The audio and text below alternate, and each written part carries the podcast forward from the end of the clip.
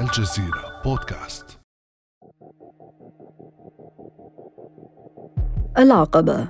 اجتماع لم يأتي بفك رقبة أو تحرر للفلسطينيين من الاحتلال بل خرج باتفاق على تجنيد خمسة آلاف مقاتل جديد في الأجهزة الأمنية التابعة للسلطة الفلسطينية. والهدف وقف عملية المقاومة داخل مدن الضفة ومخيماتها ضد الاحتلال في وقت تنامت فيه حالة المقاومة مجددا تلك أصوات الجماهير الغاضبة التي ملأت الأرض الفلسطينية رفضا لاجتماع العقبة الأرض التي تغلي مجددا على أبواب شهر رمضان ما أثار قلق الاحتلال الإسرائيلي ومن خلفه الولايات المتحدة فهرول الجميع لوقف التصعيد لكن مقابل ماذا؟ ولماذا تخوف الفلسطيني من اجتماع العقبة؟ ولماذا عاد الأمريكيون مجددا للوساطة بين الاحتلال الإسرائيلي والسلطة الفلسطينية؟ ولماذا عادت السلطة للمفاوضات من دون أي مكاسب سياسية باستثناء وقف مؤقت للاستيطان الجديد؟ وكيف سينعكس اجتماع العقبة على الأرض الفلسطينية؟ هذه الأسئلة وغيرها أناقشها أنا أمال العريسي في حلقة جديدة من بودكاست الجزيرة بعد أمس. وأسعد باستضافة المفكر والكاتب الفلسطيني الأستاذ منير شفيق. أهلا وسهلا بك أبو فادي. أهلا مرحب بك يا أخت أمال. أهلا. بداية أبو فادي أظهرت من خلال مقالاتك وتحليلاتك تخوفك الشديد من اجتماع العقبة الأخير فلماذا؟ لا أنا في الحقيقة ما تخوفت منه بمعنى هو طبعا الجميع تخوف منه ولكن أنا كنت متأكد إنه فاشل وإنه مجرد يعني انعقاده لا يعني إنه هو قابل للتنفيذ لأنه قبل ما يعقد هذا المؤتمر كشفت أمريكا ماذا تريد منه. فهي التي حددت أهدافه وقالت إنه هي تريد من السلطة الفلسطينية أن تقوم بالسيطرة على الوضع في الضفة الغربية واساسا على مخيم جنين وعلى نابلس. طيب وعرضت إنه أيضا تحضر لهذا الهدف. كما قلت أنت إنه يجندوا خمس آلاف جندي جديد تقوم أمريكا بالإشراف عليهم لما يسمونه التهدئة في الضفة الغربية. وبالفعل كما أنت قلتي إنه بدلا من أن يأتوا إلى السبب الرئيسي لما يجري من معركة وهو وجود الاحتلال وجود الاستيطان ووجود حتى الكيان الصهيوني. بدل ما أن يبحثوا هذا يريدون أن يهدئوا الوضع من خلال المقاومة يعني من خلال ضغط على المقاومة. أستاذ منير إذا هذا ما تريده أمريكا أمريكا التي رعت هذا الاجتماع بحضور الأردن ومصر والسلطة الفلسطينية والسلطة الفلسطينية هذه هي المرة الأولى التي تجلس مع حكومة إسرائيلية توصف بأنها الأكثر تطرفا في تاريخ الحكومات الإسرائيلية فلماذا أيضا؟ لماذا هنا ستطرح في الكثير من المرات أبو فادي؟ خليني خليني بس أقدم شغلة واحدة إنه أمريكا المرتبكة والمتورطة في أوكرانيا تأتي الآن بوزير خارجيتها وهلأ رئيس الأركان ووزير الدفاع إلى المنطقة لتهدئ الوضع في الضفة الغربية. ولكن هي لا تلحظ أن ما يجري في الضفة الغربية لن يتوقف ولن تستطيع كل محاولاتها لا هي ولا من يمكن أن ينصاع لها أن يخمد هذه المقاومة المندلعة الآن في الضفة الغربية. فلذلك من الأساس أنا لم أخف أو أتخوف من مؤتمر العقبة واعتبرته سوف يفشل.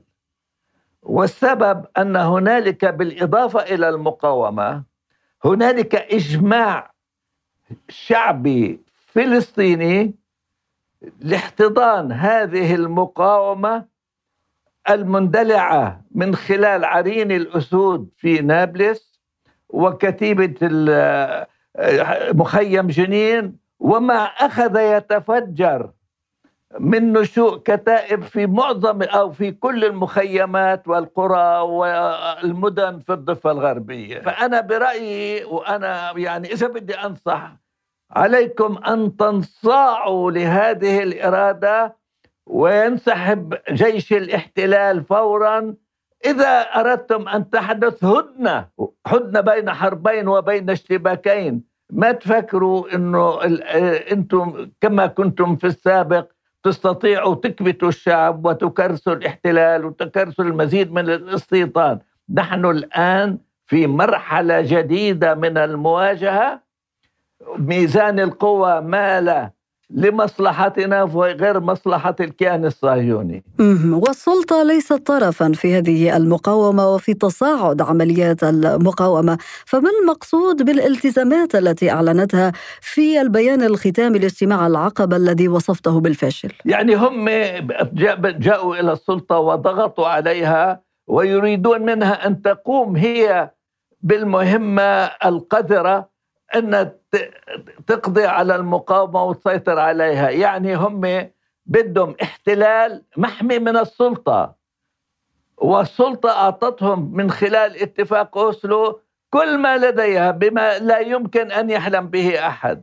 ومع ذلك يريدون ألا يعطوها شيئا ويحرجوها أمام شعبها ويضعوها وهي تتآكل الآن وتضعف والآن في انقسامات شديدة في الساحة الفلسطينية أو في السلطة وبقيادة فتح انقسامات شديدة وخلافات شديدة بدهم من هذه السلطة إن أن تأتي وتشتبك مع المقاومين في نابلس وفي جنين.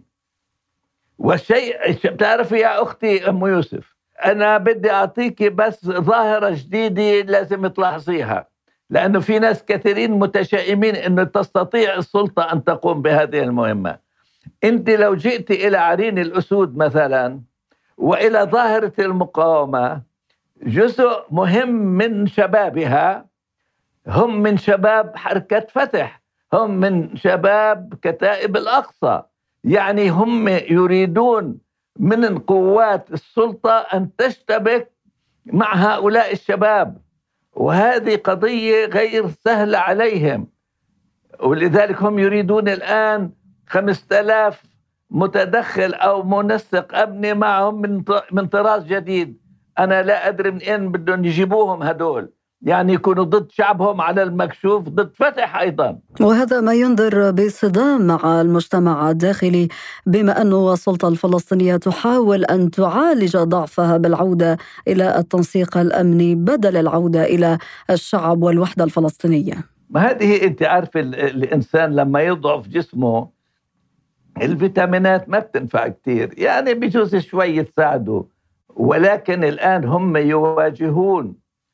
شباب وشابات يواجهون حالة شعبية لم يسبق لها مثيل. انت بتعرفي كان في السابق المقاومة تتشكل فصائل وترسل شباب معبئين ليمارسوا العمل المسلح. الآن هذا العمل المسلح عمال يجد حوله مناخ شعبي يقول له روح اعمل عمليات عسكرية وانزل. حتى إيش إيش يعني إشهر السلاح علنا في نابلس وفي وبدليل بدليل وهذه يعني أرجو انتباه لها الأمهات كل الأمهات وموقفهم من الشهداء أمهات الشهداء آباء الشهداء يعني أنا بالتاريخ يعني علاقتي بالقضية الفلسطينية وحتى بمتابعة المقاومة لم أشهد وضعا شعبيا فلسطينيا.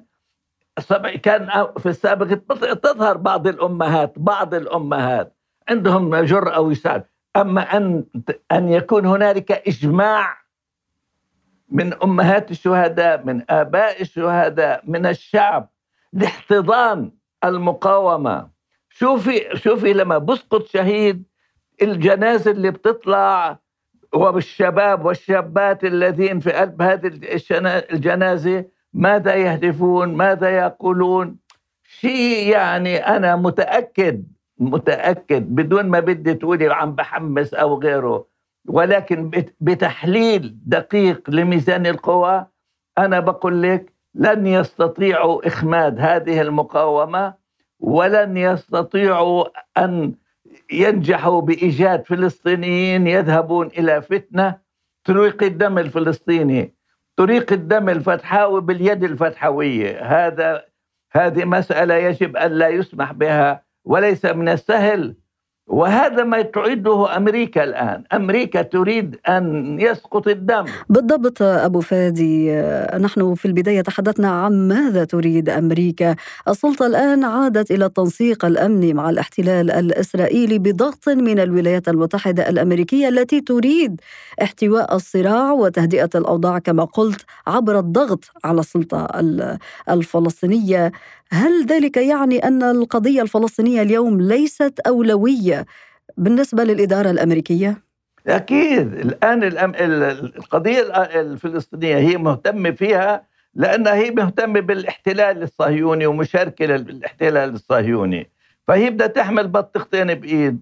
هلأ هي إذا بدها تيجي على فلسطين بدها تدخل في معركة جديدة. وأنا بقول لك معركة فاشلة عليها راح تفشل فيها. يتفضلوا يجربوا. أنا عندي ثقة هم بيستطيعوا لو كان المقاومة هي بضعة أفراد هنا وهناك بيستطيعوا يروحوا يعني يكبتوهم أو يعتدوا عليهم. أو زي ما صار بالمعركة المجيدة بتتذكري ب 2002 في جنين عندما شنوا حرب 14 يوم وبعدين دخلوا وعملوا بشعوا ولكن كانت معركة بطلة يعني عظيمة جدا. الآن الظرف وميزان القوى مختلف. ولا كان اكتسحوا ولا كان هجموا ولا كان عملوا اللي عملوه. هلا هلا شوفي حتى بحوارة اللي صارت اللي اعتادوا فيها المستوطنين ثاني يوم أو بنفس اليوم تاع قمة العقبة؟ وبعدين إيش عملوا يعني ناس من داخل الحكومة الصهيونية قالوا خلوا قمة العقبة في الأردن وإحنا مش ردين عليها. يعني هم أيضا جبهتهم مخلخلة.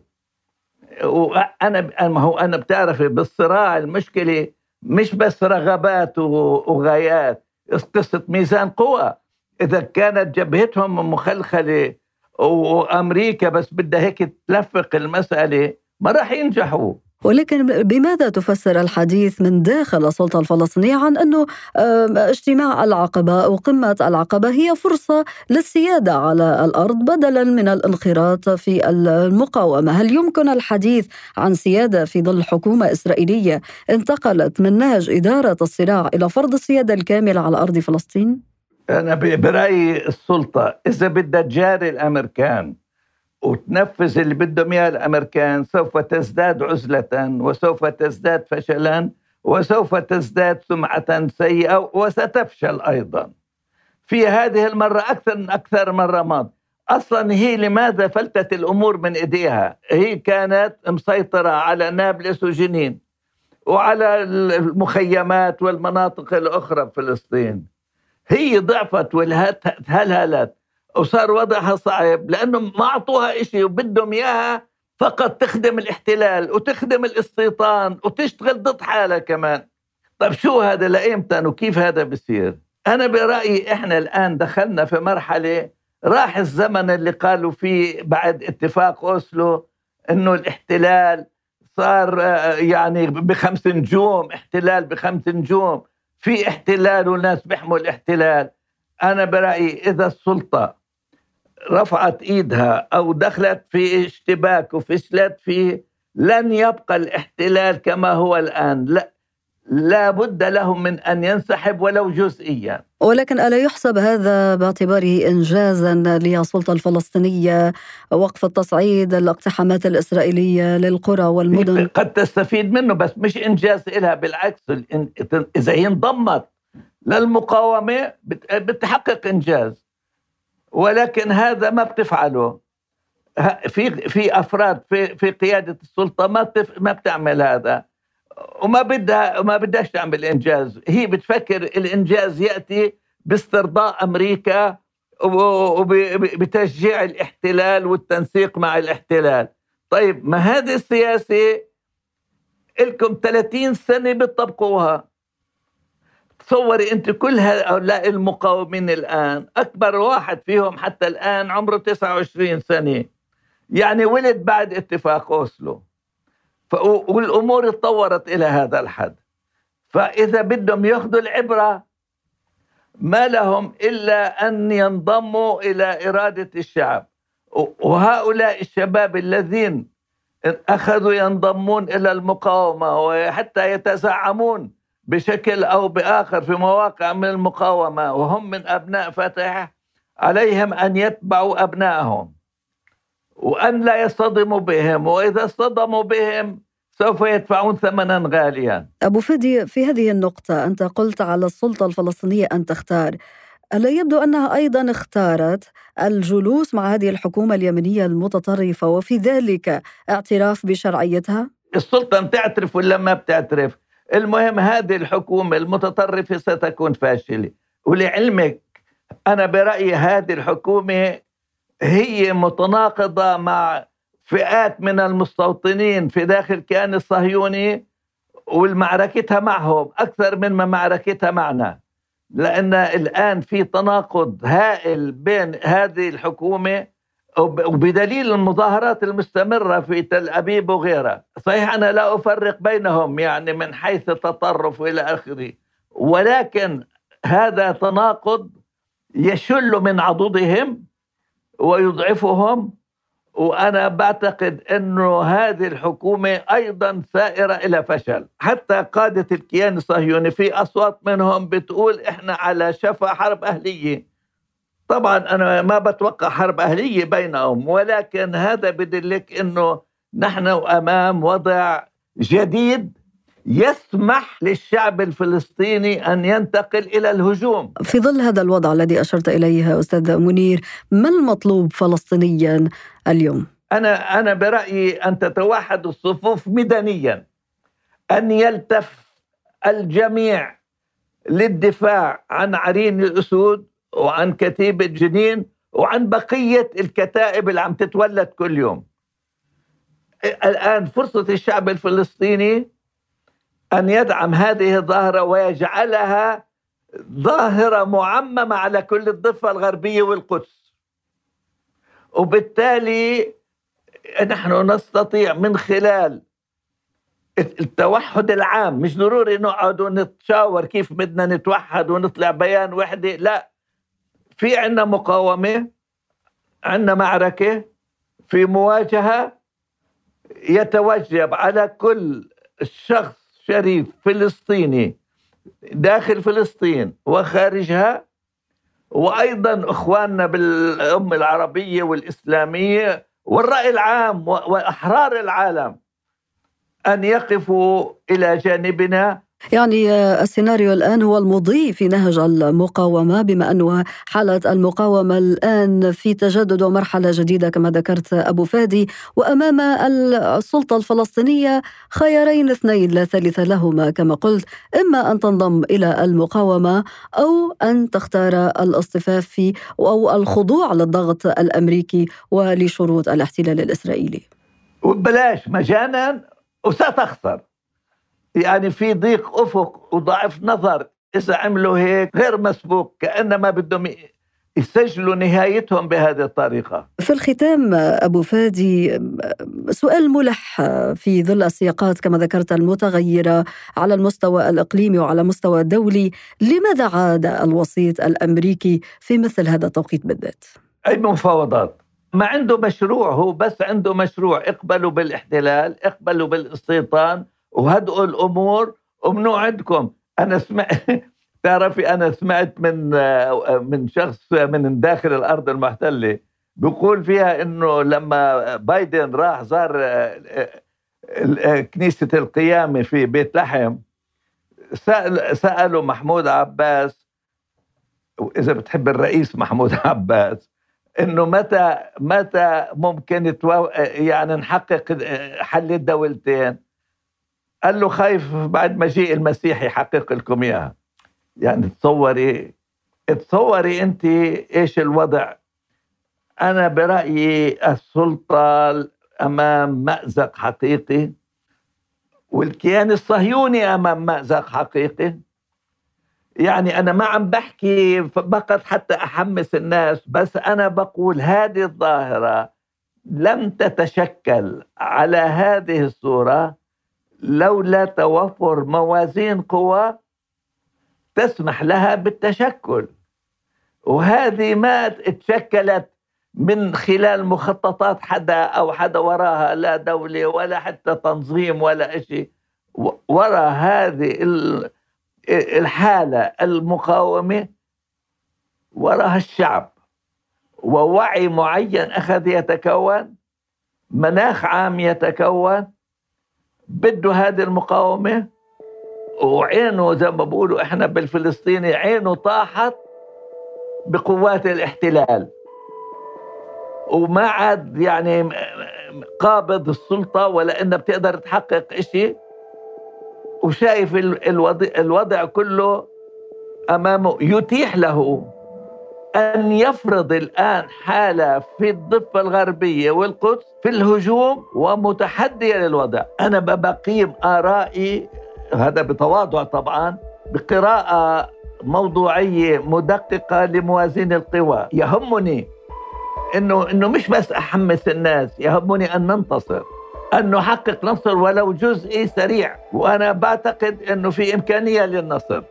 وأن النصر لقريب بإذن الله.